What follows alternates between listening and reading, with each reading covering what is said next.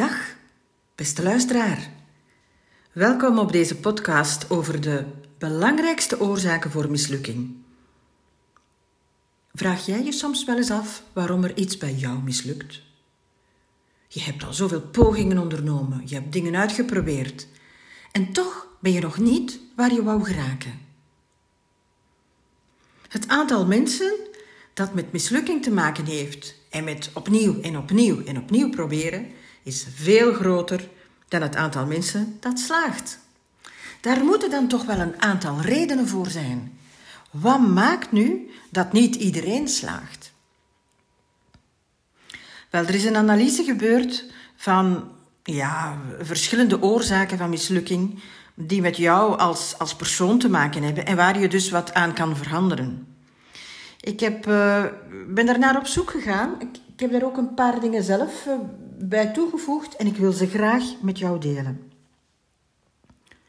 Misschien is het goed bij het beluisteren van uh, potlood en papier bij de hand te nemen en even aan te kruisen voor jezelf.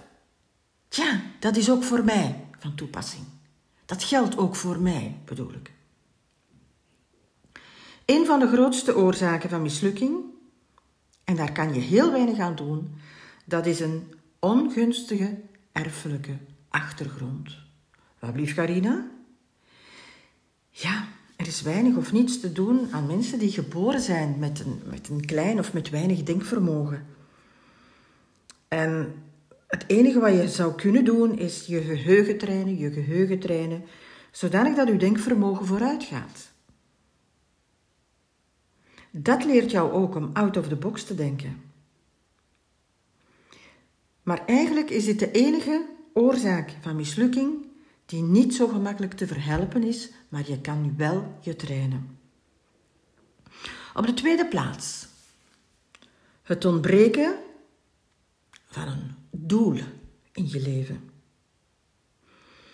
Wie geen doel in zijn leven heeft, er hoeft niet zo echt vast omlijnd te zijn, maar wel een bepaalde richting om naar te streven. Wie dat niet heeft, die kan niet rekenen op succes.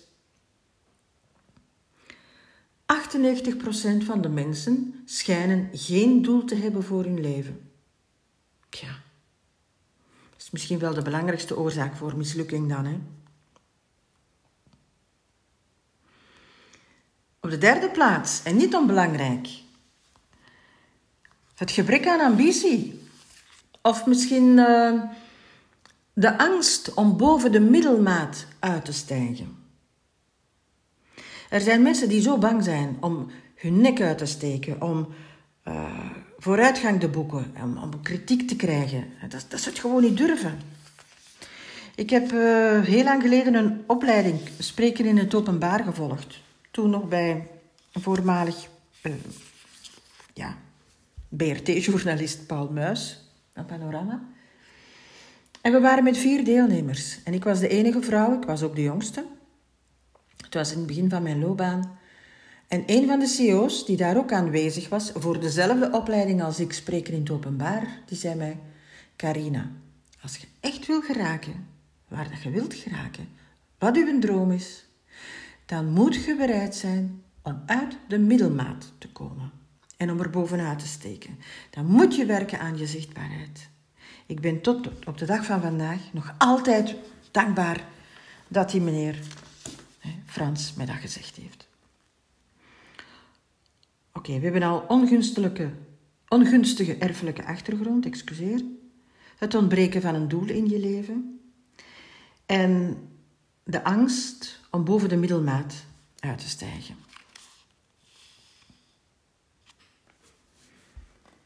Op nummer 4 staat onvoldoende opleiding.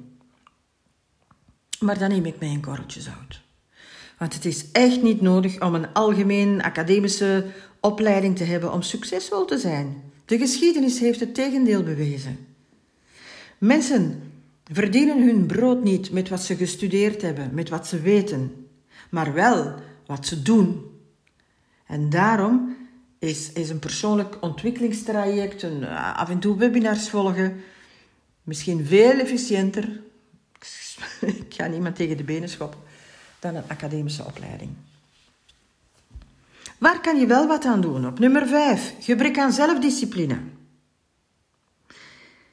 Het ontwikkelen van zelfdiscipline is een van de moeilijkste opdrachten die je aan jezelf kunt geven. Want discipline is een kwestie van zelfbeheersing. En dat betekent dat we alle negatieve eigenschappen onder controle moeten hebben waar dat we aan zondigen. Maar eerst moet je jezelf onder controle krijgen. kijk misschien eens in de spiegel. En de ene dag zal je daar je grootste vriend in zien en de andere dag zal je daar je grootste vijand in zien, omdat het op zelfdiscipline aankomt. Nummer 6. Een kwakkelende gezondheid. Niemand kan grote successen boeken als hij niet gezond is. Maar een slechte gezondheid, niet altijd, maar is ook dikwijls het gevolg van een gebrekkige zelfdiscipline, het vorige punt. Denken we maar aan te veel eten, ongezond eten, te veel drinken, weinig lichaamsbeweging, verkeerd of overdreven seksueel gedrag, verkeerde denkgewoontes. Allemaal zaken die onze gezondheid bepalen of beïnvloeden. Op plaats nummer 7 staat de ongunstige milieu-invloeden van je jeugd. In welke omgeving ben je groot geworden? In welke omgeving ben je opgegroeid? Wie waren jouw vrienden? Welke invloed hadden ze op jou? Hoe hebben ze jou klein gehouden? Of hoe hebben ze jou gestimuleerd om groot te worden? Natuurlijk staat op plaats nummer 8 uitstel. Het is een van de meest voorkomende oorzaken van mislukking. Mensen wachten eindeloos. Als ik ooit eens vijf minuten tijd heb, op een gunstig moment, op de beste gelegenheid, en laten daardoor kansen op succes aan hun neus voorbij gaan. Ze denken maar, we gaan nog wachten tot de tijd rijp is om met iets te beginnen. Maar de tijd zal nooit rijp zijn, dus wacht niet langer. Begin waar dat je nu staat, met kleine stapjes, met de middelen die je nu voorhanden hebt.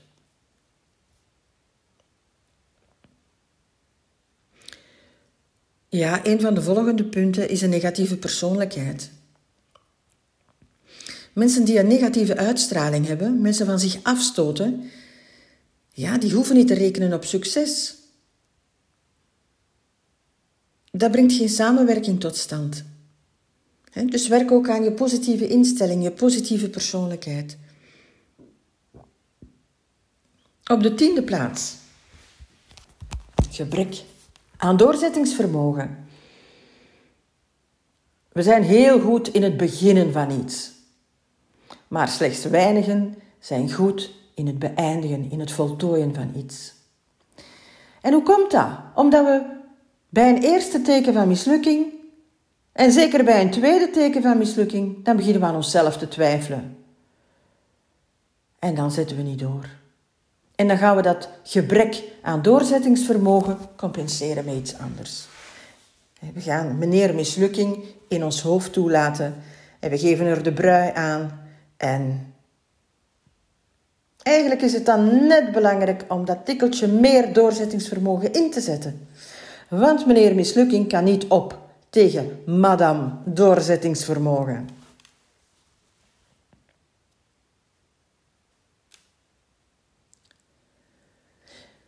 Gebrek aan besluitvaardigheid is het volgende.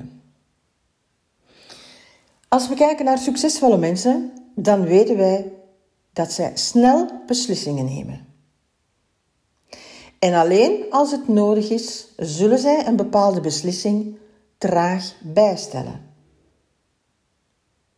Zij houden zich aan hun focus en ze zijn heel snel in het beslissen van iets. Ja, dat gaan we doen. Mensen die mislukken, die doen tegenovergestelde. Die nemen heel traag beslissingen. Die twijfelen voortdurend. En als ze al zover komen om een beslissing te nemen, dan veranderen ze vaak en snel. En dan zitten we daar weer met dat uitstel en die besluitloosheid. Waar de een op duikt, is de andere meestal ook aanwezig. Dat lost niks op. Probeer eens een hele dag ja te zeggen op alles wat op u afkomt. Besluit van ja te zeggen. En kijk eens hoe uw leven in één dag kan veranderen. Absoluut. Ja, een volgende punt. Ik weet al niet meer aan welk puntje dat ik ben. Misschien 13. Um, verkeerde keuze van een partner. En dat kan een huwelijkspartner zijn, maar dat kan ook een zakelijke partner zijn. Een verkeerde selectie van een zakelijke partner. Als het over een huwelijkspartner gaat of over een relatie, dan is dat een zeer wijd verbreide oorzaak van mislukking. Het huwelijk brengt mensen normaal dichter bij elkaar. Maar als een relatie niet harmonisch is, dan loopt dat in de meeste gevallen op een mislukking uit. Als je je niet goed voelt thuis in je situatie, dan kun je ook geen dingen in de wereld zetten. Hetzelfde met een verkeerde selectie van zakelijke partners. En dat heb ik zelf mogen ervaren dat dat een erg voorkomende oorzaak van mislukking is. Want je moet niet denken, omdat ik hier over die oorzaken van mislukkingen praat, dat ik helemaal zondevrij ben hoor. Ik heb altijd gedacht dat ik het niet alleen kon. Dat ik mensen moest aantrekken, zakelijke partners die, die mij ondersteunen, die mij uh, ja, synchroniseerden. Ja, dat heeft toch wel wat, uh, wat uh, teweeggebracht. Omdat het, het is niet goed als je met mensen begint samen te werken die jou proberen te evenaren. Werk met mensen samen met wie jij graag samenwerkt. En laat niet je deur openstaan voor iedereen die bij jou aanklopt. Ik denk dan op uh, de veertiende plaats verkeerde beroepskeuze. Heb je gestudeerd of ben je een richting ingeslagen die jou eigenlijk niet aanslaat? Durf dan te veranderen. Een van mijn volgende coaches in de loopbaanbegeleiding is een uh, zelfstandige dame die een, uh, een rentingbedrijf heeft van auto's. Ze is 53 jaar en ze wil haar leven helemaal omgooien. En ik ga haar daarbij helpen. Ze heeft ingezien dat zij door voorgaande familiale beroepskeuzes in diezelfde richting is meegegaan als haar familie, maar dat het helemaal eigenlijk iets is wat haar geen energie niet meer oplevert.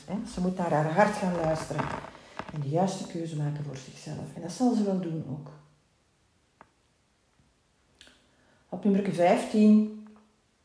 De gewoonte hebben om geld over uw balk te smijten. Verkwisting van geld. Waardoor dat je voortdurend in angst leeft voor armoede.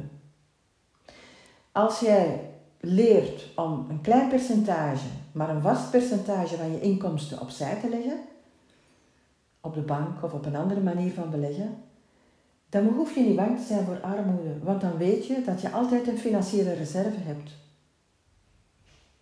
En dat je het zelf in handen houdt. Dat is ook nog belangrijk. Op de volgende plaats, gebrek aan enthousiasme. Wie kan succes boeken als hij niet aanstekelijk overkomt? Niemand toch? Mensen staan graag open voor iemand die enthousiast is. Mensen staan graag open voor iemand die motiverend is voor zichzelf. En voor henzelf natuurlijk.